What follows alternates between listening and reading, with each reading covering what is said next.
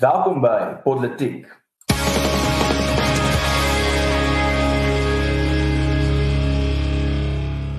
Asai goeiedag en welkom by nog 'n episode van Politiek. My naam is Paul Marit. Saam in die ateljee vandag is Erns van Sail en Frederik van Dyk. Uh, en in vandag se episode Eskom skok Lesofie op jou dak nok en Zondo lei die laaste klok. Alright Paul, kom ons begin sommer met die nonsens uh, wat ons sommer eers gaan ontons, ons die grootste nonsens van hierdie week en dit is absoluut beerdkrag weer eens. Iets wat ons al baie tot vervelings toe hoor gesels het op op politiek, maar ek dink nou in die in die stadium waar ons tans is met baie gebeure rondom die beerdkrag tans uh, is daar nogal baie om 'n uh, bietjie unieke hoeke om uh, om uit een te sit. So kan jy sommer vir ons daarso inlei.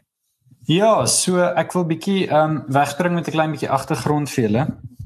Uh so Eskom uh gaan nou na fase 6 toe. Ek onthou toe ons grappies gemaak het uh op op uh, politiek en ons het daar ha fase 6 haha en nou is ons nou met fase 6. So ehm um, wat natuurlik gebeur is ons het 'n klomp goed wat op hierdie stadium bymekaar kom. Daar is die mooi latynse uitdrukking 'n trifecta wat beteken drie goed wat hmm. op dieselfde tyd gebeur. Ek dink ons kan hierdie 'n decafecta noem. Daar's 10 goed wat op dieselfde tyd gebeur en dit is net verskriklik. So ehm um, okay. Eerste ding is Ehm um, in hierdie stadium is daar onwettige stakingsprotes wat aan die gang is. Dit is tyd vir verhogings en die verhogingsgesprekke tussen vakbonde is aan die gang. Dis belangrik om te weet Eskom het 5% aangebied verhoging Ehm um, en nou moet mense in ag neem pryse het geweldig verhoog, daar is inflasie. Selfs Solidariteit het gesê dat ons dink 5.9% is meer realisties.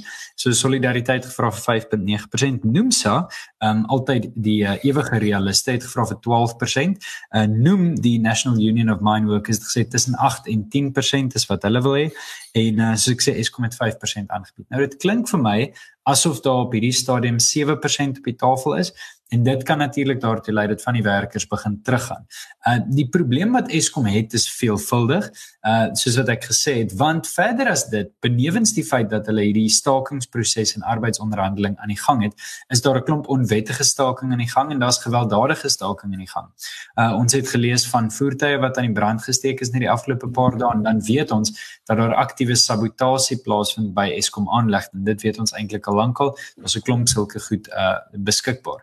Ek wil hier op 'n vinnige kommentaar lewer en dan wil ek graag julle terugvoer daaroor. Ten eerste dink ek dat hierdie 'n nasionale kernorgaan is.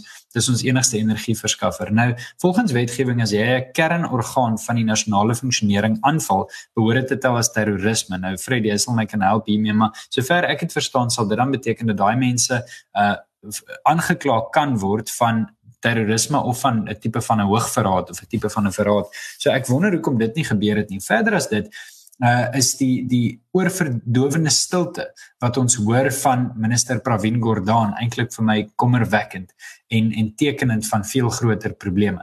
Hy sê vir ons niks, ons weet nie regtig wat aangaan nie.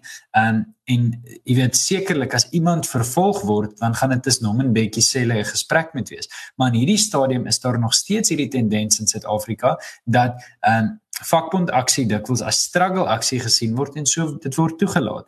Uh en en dis vir my die kommerwekkende. Hoekom word mense nie toegesluit hiervoor nie? Hoekom wanneer jy veroorsaak dat mense in hospitale doodgaan soos wat ons vandag weer gelees het?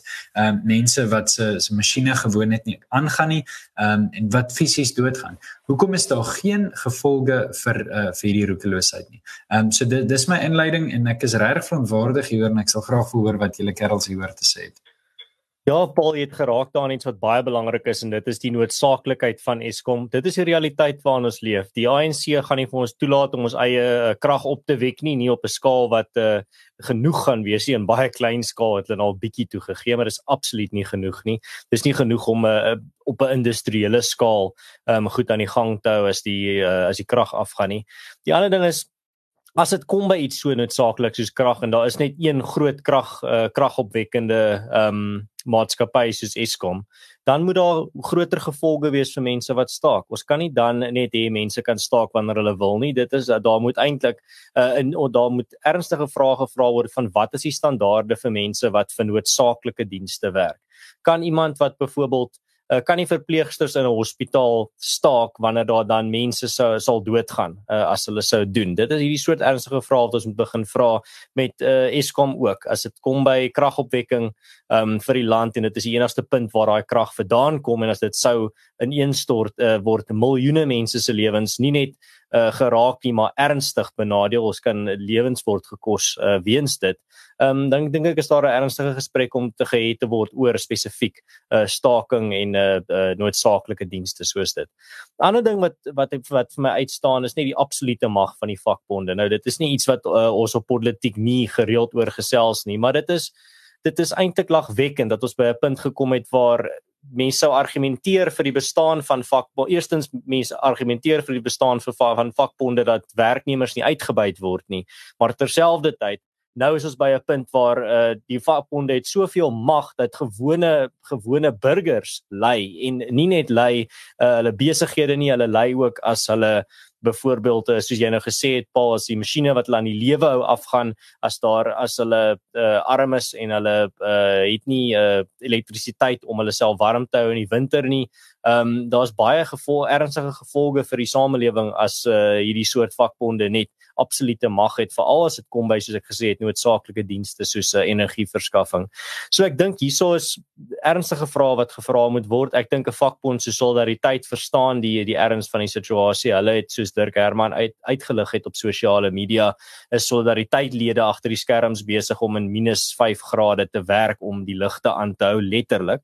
En dit is uh, dit is die die regte benadering. Daar moet daar moet 'n morele standpunt ingeneem word as dit kom by dit kan nie net gaan oor werkersregte nie dit kan nie net gaan oor uh die die regte van die individu nie. Ons moet begin kyk na die groter prentjie so as dit kom by iets so noodsaaklik soos die verskaffing van krag aan die aan die aan die hele land. En dit is vir my nie 'n plek waar ons net kan sê maar daar's nou die werknemers moet teen alle kostes beskerm word nie. Nee daar moet begin 'n lyn in die sand getrek word en te sê maar jou staking en jou gemors en jou nonsens is besig om mense se lewens nie net ongelooflik te ontwrig nie maar te vernietig.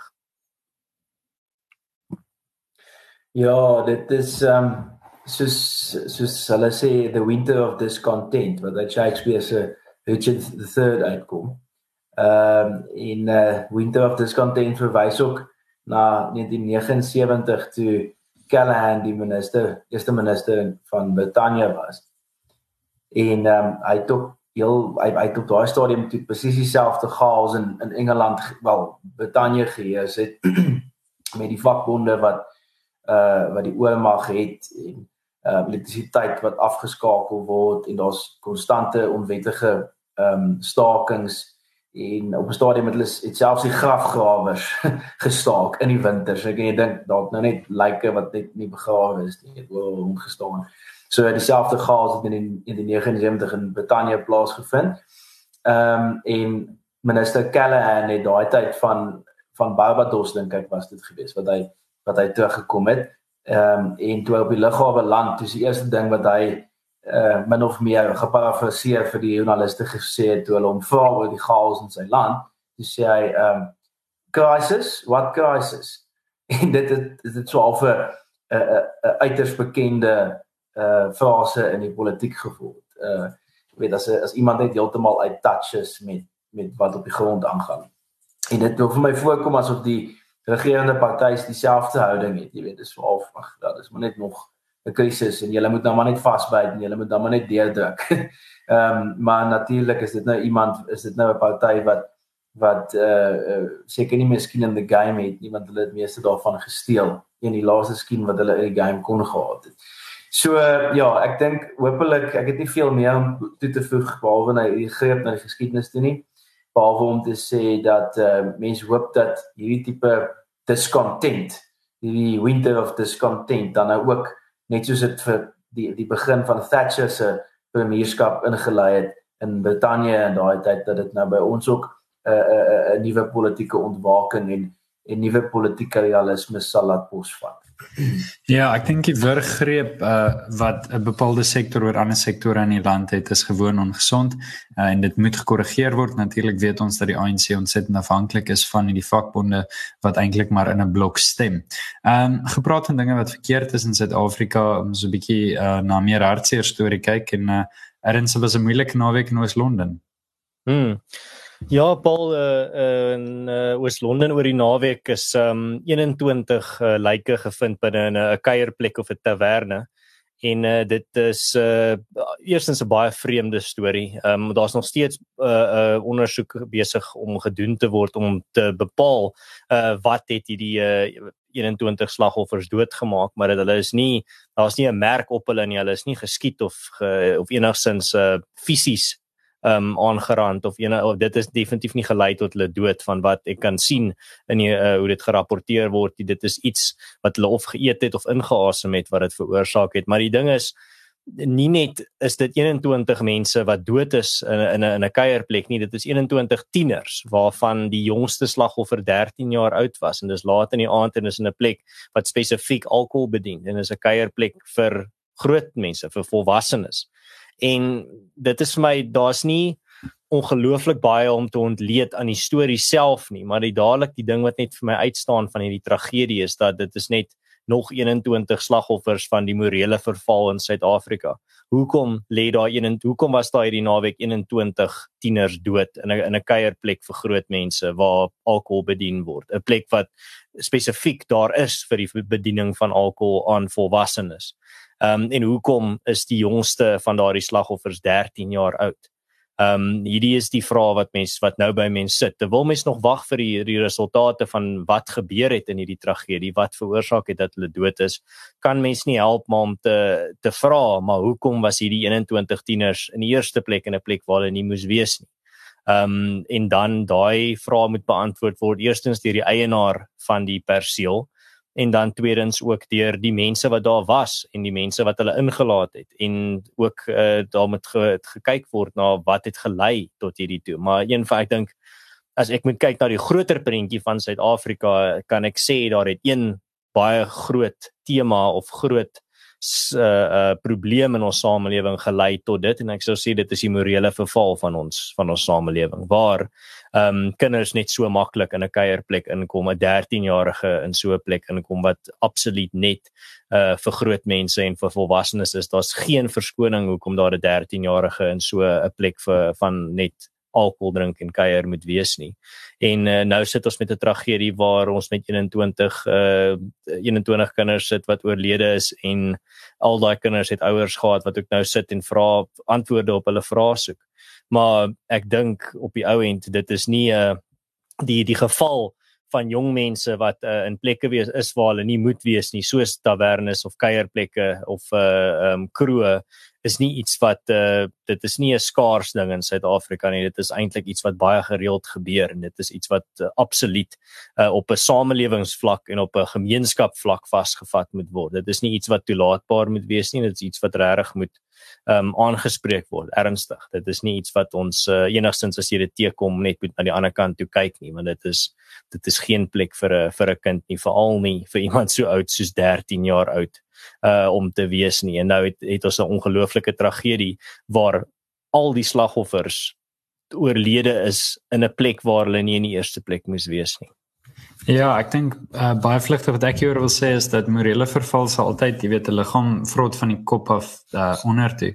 En as jy die hele tyd hoor dat jou leiers en die uh die leiers van jou samelewing nie net op makrovlak nie maar ook in jou gemeenskap dat hulle korrup is. En as jy sien uh dat verligtinggeld deur jou plaaslike munisipale lid gesteel is of dat water tydens rampe by die plaaslike um, munisipaliteit afgelaai word en geransoneer word volgens jou lidmaatskap in bepaalde groepe dan word jou morele kompas outomaties net korrup gemaak daardeur. So um ek dink ja dit is natuurlik kommerwekkend um, maar uh, wat dit is en dis is dis is jy sê erns dit is tekenend van dieper morele verval en ek dink dis die die uh die gevolgtrekking wat 'n mens kry van immorele leierskap ek ek dink dit dit vloei van daar af onder toe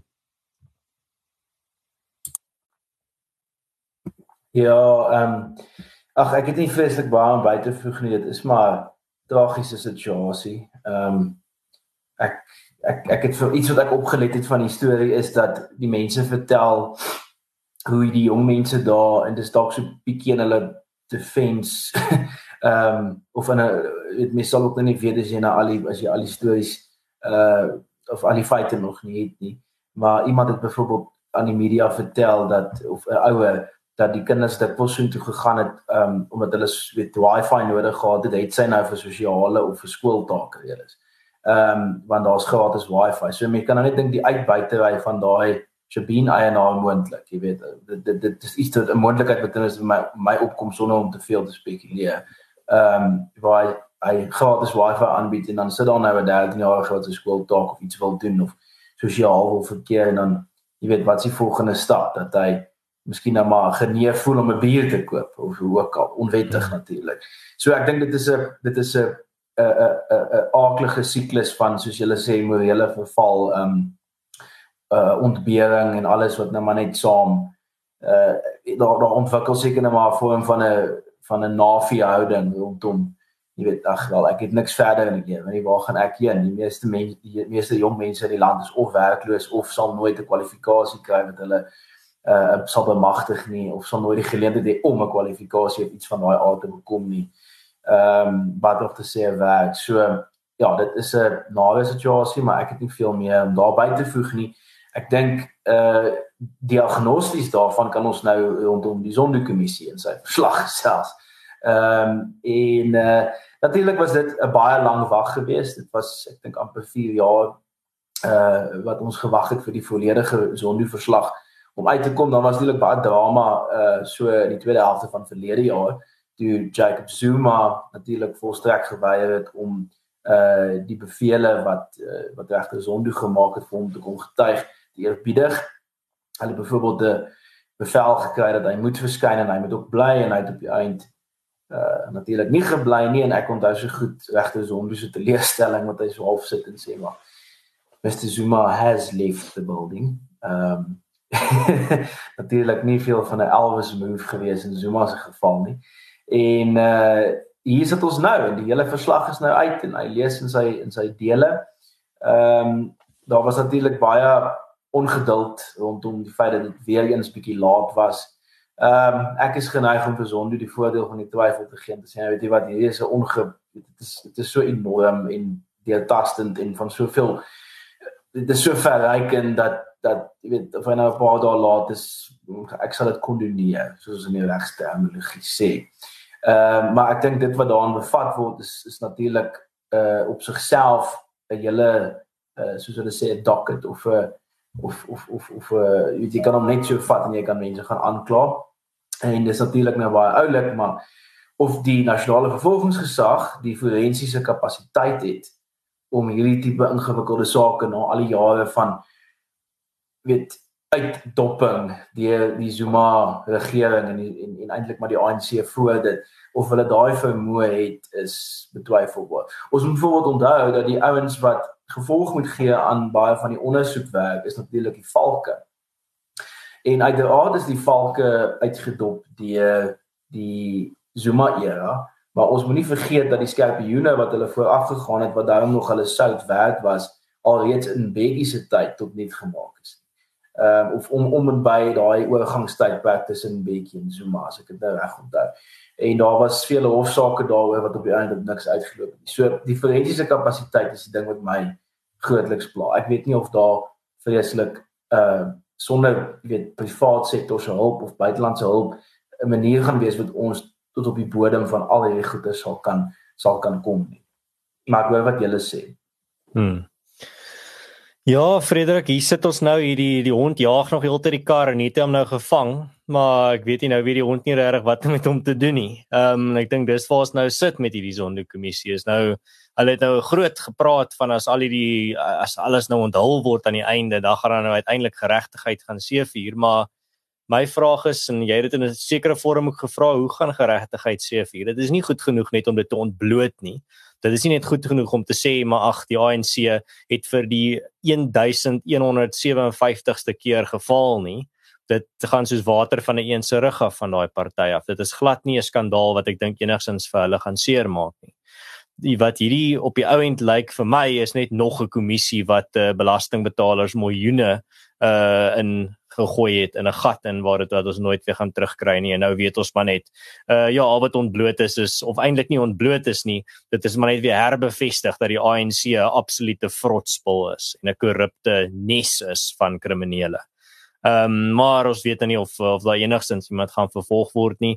Ehm um, uh, ek wil eintlik 'n eerlike vraag vra aan almal wat nog gesê het maar ehm um, yes Ramaphosa is dan ten minste die beste van die lot en hy gaan dan die die skip kan op in die regte rigting stuur. Wel gaan hy enigsins enige het julle enige vertroue dat hy een kop gaan laat rol vir ehm um, vir wat in die sondekommissie bevind is en wat nou hier so onthul is.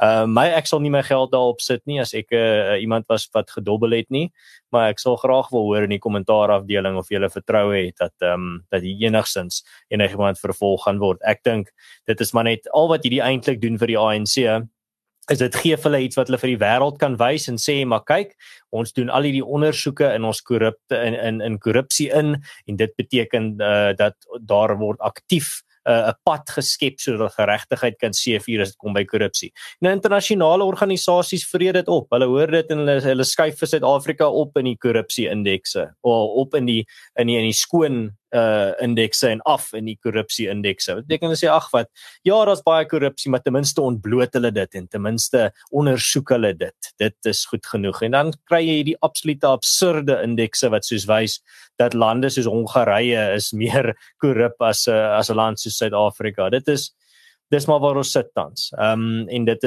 dit is weens hierdie soort skouspel wat die ANC doen. Dis wat dit is. Dit is 'n dis 'n skouspel wat hulle vir die wêreld en vir die land aan aansit sodat mense daarna kan kyk en sê maar ah ja, hierso is uh, korrupsie is besig om ontbloot te word en dit is amper katarsis en dis goed genoeg vir hulle. Is net dat dit ontbloot word. Vir my is dit absoluut glad nie goed genoeg nie. Ek weet die ANC is korrup. Ek weet al die mense wat 'n vinger na gewys was in hierdie in hierdie sondekommissie. Ek kon vir jou gesê het hulle is korrup sonder om miljoene rande aan 'n aan 'n ondersoek en al hierdie uh al hierdie kruisondervragings en alles dis bestee het. Maar ehm um, nou het ons en nou lyk like, ek ek het nie veel vertroue dat daar iets van dit gaan kom nie. As as jy nog vertroue het, uh, sal ek graag wil hoor wat jou argument daarvoor is en jy kan dit in die kommentaar afdeling absoluut met ons deel. So uh, ek ek hoor wat jy sê Ernst en ek dink so jy weet kos kyk na die statistiek hier so. Daar was omtrent 400 verhoor dae gewees. Ehm um, en 300 300 getuies is geroep en dit dit kos die Suid-Afrikaanse belastingbetaler meer as 'n miljard rand. Ehm um, jy weet wat 'n mens amper wil sê, uh jy weet vir die hoeveelheid wat gesteel is, dan sien jy in konteks wat die proses tot dusver gekos het en om te vervolg gaan natuurlik baie meer wees want nou moet jy senior advokate kry en jy moet die hofproses doen en dit alles kos 'n klomp geld, vat 'n klomp tyd. Ehm um, en uiteindelik dit die Suid-Afrikaners se moed. Nou ek ek ek dink 'n mens moet versigtig wees om sinies te wees, moet altyd positief bly. Ehm um, ek dink dit dit mag dit mag wees dat uh jy weet 'n ernstige verlies of twee uh daartoe lei dat iemand binne die ANC besef mense wil resultate sien. Ek ek weet nie noodwendig of die wêreld dit alles opeet nie. So ek ek weet nie of ek daarmee jou saamstem nie. Verlede jaar by Davos of 'n jaar voor dit net voor Covid 'n groot ding was. Toe was daar 'n bekende Amerikaanse joernalis, ek kan nie onthou wat sy een nie wat gesê het, weet, um, ek dink dit is Richard Conquest Ja, ja, so jy sal onthou hy hy het regtig ehm um, nie hy het gesê jy weet julle julle weet van al hierdie korrupsie en niks gebeur daarmee nie. So ek, ek dink uiteindelik sal ons sal ons kyk ehm um, maar dat almal uh in die tronk gaan beland wat moet dink ek is ons weet dit gaan nie gebeur nie want dit sal die die hoogste van die hoogste insluit. Ehm um, uit uiteindelik jy weet dink ek dit breek mense moed om te sien hoe lank die mense vrygaan. En ek dink die teenoorgestelde gaan reggekry word. Waar jy aan die een kant dit wou regkry om vir uh, politici te wys luister die korrupsie word nie geduld nie ons gaan jou vang ons gaan 'n voorbeeld van jou maak ensovoorts as dit die oogmerk was. Dit wat reggekry is is om te wys dat jy moet net bietjie glibberig wees. Jy hoef nie eens ontsettend glibberig te wees nie en jy sal kan wegkom vir 'n verlengde periode van tyd. So ehm um, dit maak mense 'n klein bietjie negatief maar uh, ek dink 'n mens moet uh, 'n mens moet aanhou en 'n mens moet natuurlik probeer positief bly en ehm um, probeer om 'n liggie te sien. Hmm. Ja, wel, um, ek dink ehm um, dit is eintlik maar iets wat ons moet uh, wat die toekoms weet en wat ons gaan moet wag om te sien. Maar ek hoop jy is reg, Paul. Maar gepraat van skurke binne in die ANC, daar het 'n uh, 'n uh, skurk vandag of hierdie week 'n uh, bobaas gekraai op sy mishoop. Um, kan jy ons 'n bietjie meer daarvan vertel, Paul? Ja, so ehm um, Panyaza Lesufi is aangewys as voorsitter van die ANC in Gauteng. Dis 'n baie groot uh pos uh die ANC se uh, het nog altyd 'n bastion van Gauteng gemaak en nie noodwendig in die sin dat hulle super baie stemme daar gehad het vergelyk nie. Ons weet natuurlik dat hulle in 'n stadium van die groot metro's al verloor het en dat hulle tans nie al die metro's regeer nie. Maar die punt is dat ehm um, Soweto en Orlando Street en baie van hulle belangrike oogmerke is daar Letuli huis, hulle hoofkantoor is daar ensvoorts. Ek gaan bietjie in diepte hierso indelf, so ek wil hê julle moet 'n pen hmm. naby hou want ek wil net bietjie analise doen hierso. OK.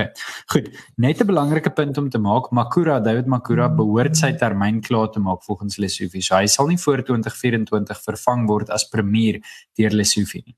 Slegte nuus vir ons is dat dit beteken Lesofie bly heel moontlik LER vir onderwys vir nog 2 jaar. Wat wat jy weet, ek sal eerlik waarom verkies as premier en los ons laerskool uit. Maar goed. Ek ek wil vir julle deur die laaste 3 verkiesings in Gauteng vat. In 2016 munisipale verkiesing daag daar 3,6 miljoen kiesers op totale kiesersyfer. Van dit kry die ANC bietjie meer as 1,6 miljoen of so 46% van die stem. So hulle kry minder as 50% in Gauteng. Ehm um, maar daar so hulle kry so 1,6 miljoen. Okay. Kom ons kyk na 2019 se nasionale verkiesing.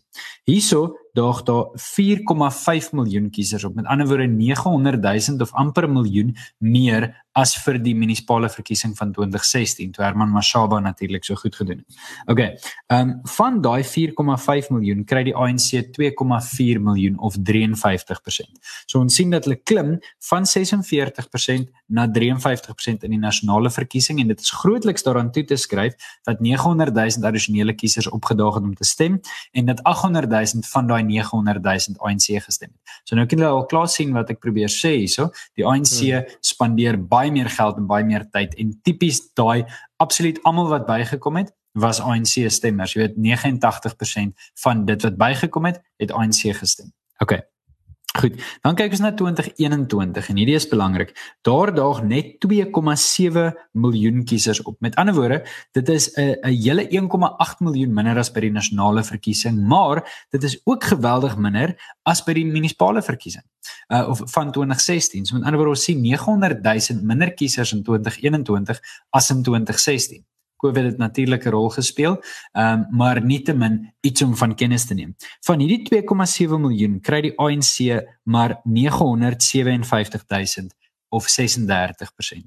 So as ons net munisipale verkiesings met mekaar vergelyk, sien ons dat die ANC omtrent 800 000 stemme verloor tussen 2016 en 2021.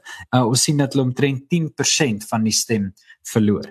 Ehm um, maar ons moet dan ook die patroon dophou dat daar kom ons sê iets in die omgewing van 'n miljoen addisionele stemme opdaag vir 'n nasionale verkiesing. So dis baie tegnies, maar ek bedoel dis tog 'n politieke potsending. Die punt wat ek wil maak is dit. Ek vermoed dat as genoeg mense gaan stem en as Herman Mashaba en John Steenhuisen en selfs Julius Malema hulle stories reg kry en natuurlik in die Gauteng ook die Vryheidsfront Plus.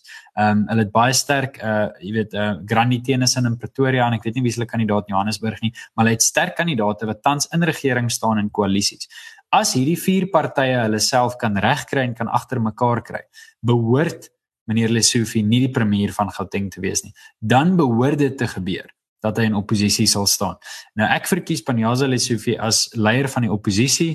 Ehm um, bo jy weet premier van Gauteng of in 'n LER posisie enige dag van die week. Uh so ja meneer Lesofie is verkies, maar ek dink ons moet realisties wees oor die ANC uh in Gauteng. Uh, ons sal natuurlik vir die volgende 2 jaar hierdie ding dophou en en ek ek vra om verskoning dat ek so 'n bietjie tyd hierop spandeer het, maar ek dink as ons die die prentjie helder sien, dan besef ons uh miskien beter en dan analiseer ons natuurlik baie beter. Hmm. Ja, Paul, ek dink daai is baie belangrike konteks wat jy daarso gee want mens moet die groter prentjie sien. Dit gaan nie net oor Lesofie hierso nie, dit gaan oor sy party en hulle lot op die ou end uh, in die groter prentjie van die, die Gauteng as 'n provinsie.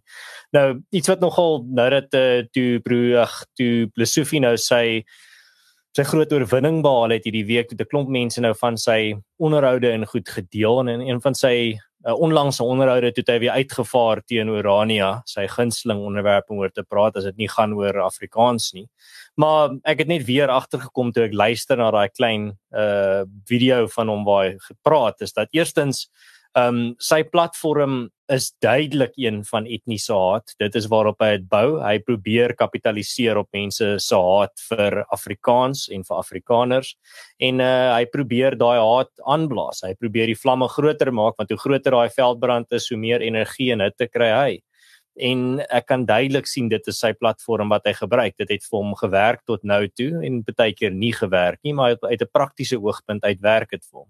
En ek kan sien hoe hy dit volhou. So ek moet sê tot 'n uh, eh, politieke irritasie uh en baie van ons luisteraars moet julle regmaak om baie meer in die toekoms weer aan te hou of net aan te hou hoor uit hulle Sofiese mond uit van Urania en Afrikaans en Afrikaners dis alwaar hy praat. Dit is hy is 'n absolute net 'n uh, 'n uh, 'n plaat wat vassit en dit is maar dit werk vir hom. Ek bedoel as dit nie as dit nie stikkend is nie, hoekom het hy dit regmaak? Maar daar's iets wat ek nogal 'n laaste ding wat ek opgemerk het in sy nuutste onderhoud is Lesofie praat nie meer soos wat Lesofie altyd gepraat het. Ipanyaza praat nou baie duidelik soos uh, Julius Malema. As jy gaan luister na sy spraakpatroon, die woorde wat hy beklemtoon, die manier wat hy praat, as jy oë toemaak, dan klink dit soos 'n soos 'n Julius Malema wat jy by die R5 winkel gekoop het, maar nietemin dit jy kan hoor waar sy invloed vandaan kom polities en retories.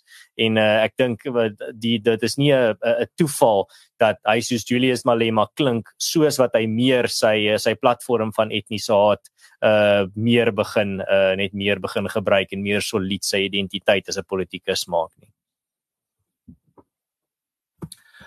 Ja, ehm um, ek moet sê ek het ek het nogal gewonder wat waarheen wat so met wat mense nou maak hiervan want mense soos jy sê Paul mense hoop eintlik tot 'n mate die ou ehm um, uh uh uh weet as hy as hy nie meer in beheer van onderwys is nie dan is daar dalk 'n maklike pad vorentoe wat Gauteng se onderwys betref.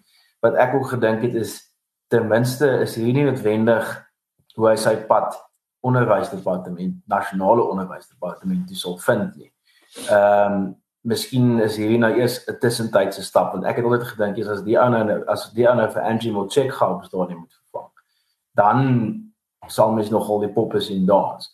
Ehm um, maar nietemin ek dink dit sluit in elk geval all in all aan by die die feit dat die ANC regtig maar 2 jaar oor het om regtig ehm um, of nie eers 2 jaar nie. Ja, minder as 2 jaar oor het om van hulle radikaalste oogmerke te probeer deurvoer die Bela wet is definitief een van daai. Jy weet hy's een van baie stelle wetgewing wat die laaste week na vore gekom het met regtig dit is regtig gegryp na storyhalings want ek dink die ANC weet ook baie goed self dat meeste van die wetgewing gaan uit een of ander oort in die samelewing teengestaan word. Ehm um, ek dink die burgerlike samelewing staan al reeds baie effektief baie daarvan teë.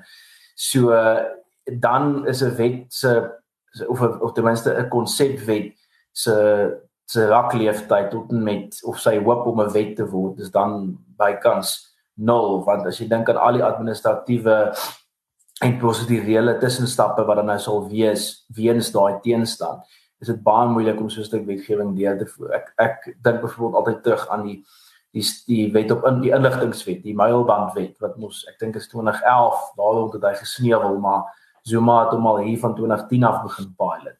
Ehm um, op die Zuma kabinet ten minste.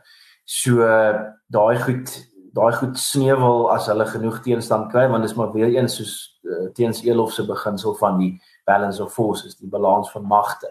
En as mens genoegsaam weerstand bied, ehm um, of terugdruk deur die die die oppergesag van die reg aan te wend dan dan dan sê die ANC ook nee maar hulle staan in tug. Ehm um, so mense hoop nou maar mense kan aanhou met daai strategie wat hulle het regtig in 2 jaar nie veel tyd om vreeslik baie gedoen te kry nie. Ehm um, ek ek ek hoop dit is ten minste iets wat sal help.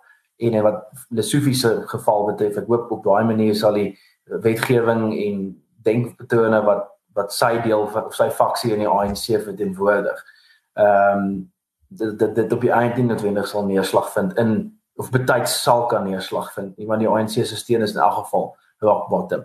Wat mens nou dat jy dit noem erns rondom die kwessie van die EFF en van ja as 'n denkwyse hoop mens nou maar ook dat hy nie dit kan regkry om so te kook is dat die EFF saam met hulle stem oor goed soos die Bela wet nie want dit kan natuurlik ehm um, 'n redelike probleem wees as as as hulle die EFF begin aanwend om daai tipe radikale wetgewing deur te voer in die parlement.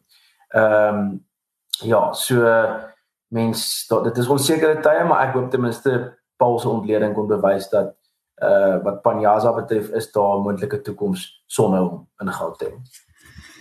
Ja, ek ek ek hoop ek het iets beet. Hoopelik kom hulle nie weer by 4.5 miljoen mense uit uh om om jy weet op busse te klim nie. En ek ek dink die rede hoekom hulle hulle het reg gekry in 2019 is maar geld. Hulle het 'n klomp, jy weet, McDonald's boksies en TM'de gegee en ek sê dit nie om sarkasties te wees nie. Dit is hoe politiek in Suid-Afrika werk. Dit is 'n uh, politiek van die maag. Dis nie ek wat dit sê nie. Dit is ANC lede wat dit al sê. Mense gaan stem met hulle maag en as jou maag vol is, dan dan het dit 'n bepaalde effek op jou stem. So Ehm um, ek ek dink 'n mens sal sien dat die ANC gaan doen wat hulle kan. Ek dink nie hulle gaan weer uitkom by daai getal van 4,5 miljoen uh, kiesers in Gauteng nie, want nou nie hulle self nie. Kyk, hulle het maar 2,4 miljoen van die stemme gehad. Ek dink dis jy weet om van 960 000 te gaan uh om jy weet jou jou met 200% te groei beteken vir elkeen wat opgedaag het in 2021 moet daar nog 2 opdaag. Dis bietjie wat my betref 'n uh, uh in, in die Engelse bridge too far maar kom ons kyk.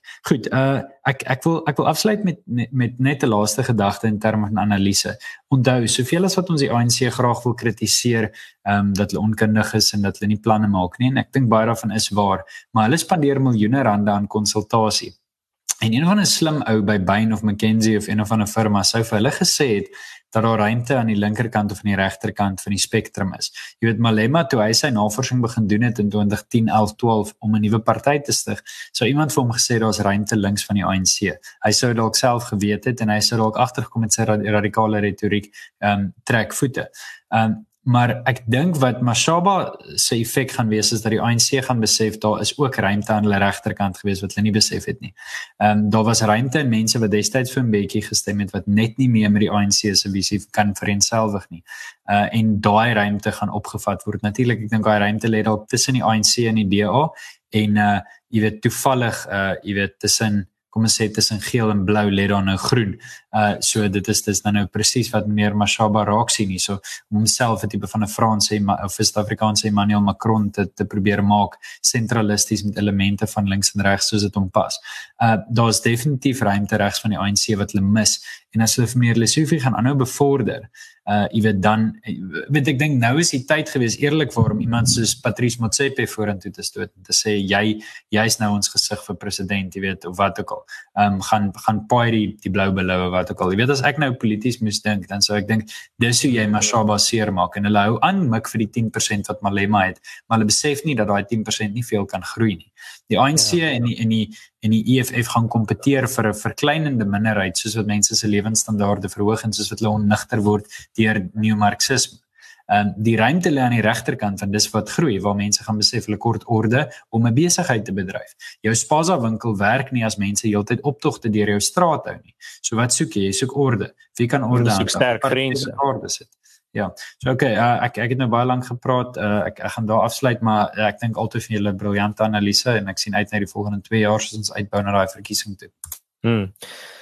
Paul, uh, 2024 gaan 'n groot jaar wees, soos ek al voorheen gesê het op politiek. Dis nou 'n 'n vervloekte jaar waar die Amerikaanse verkiesing en die Suid-Afrikaanse verkiesing in dieselfde jaar val en dit is ehm um, dit gaan moeilik wees, maar ons sal sien. Dit gaan 'n absoluut chaotiese maljaar wees en mense gaan hulle koppe verloor. Mense se koppe dink ek gaan letterlik van van hulle skouers afskiet soos wat hulle hulle hulle gaan argumenteer en debatteer en stry.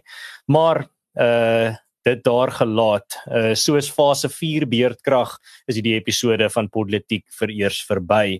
As jy nou van wat ons doen hierso by politiek kan jy inteken op YouTube um, en ons nooi jou as luisteraar uit om ook self 'n bietjie te ontnonsens deur die gesprek voor te sit in die kommentaar afdeling of op ons Telegram kanaal. So as jy wil deel raak van ons Telegram kanaal, um, daar's 'n skakel in die beskrywing van die YouTube kanaal of jy kan net na @podletiek toe gaan op Telegram. Daar kan jy kommentaare kom deel op die episodes. Uh, ons deel ook ander bronne en inligting daarso en jy kan sien wanneer ons uh, regstreeks gaan en uh, ons hoor graag van julle wat julle dink daar. Julle kan ook op YouTube 'n like vir ons los en jy kan ook in die kommentaar afdeling verder gesels. Ehm um, en soos ek gesê het, ehm um, deel uh, wat julle dink, uh wat julle sou wou bylas by hierdie episode of uh, dalk vra wat julle het. Ehm um, ons sal terugkom na julle so vinnig as moontlik. So lekker dag en ek hoop julle geniet ook julle naweek en sien julle volgende week.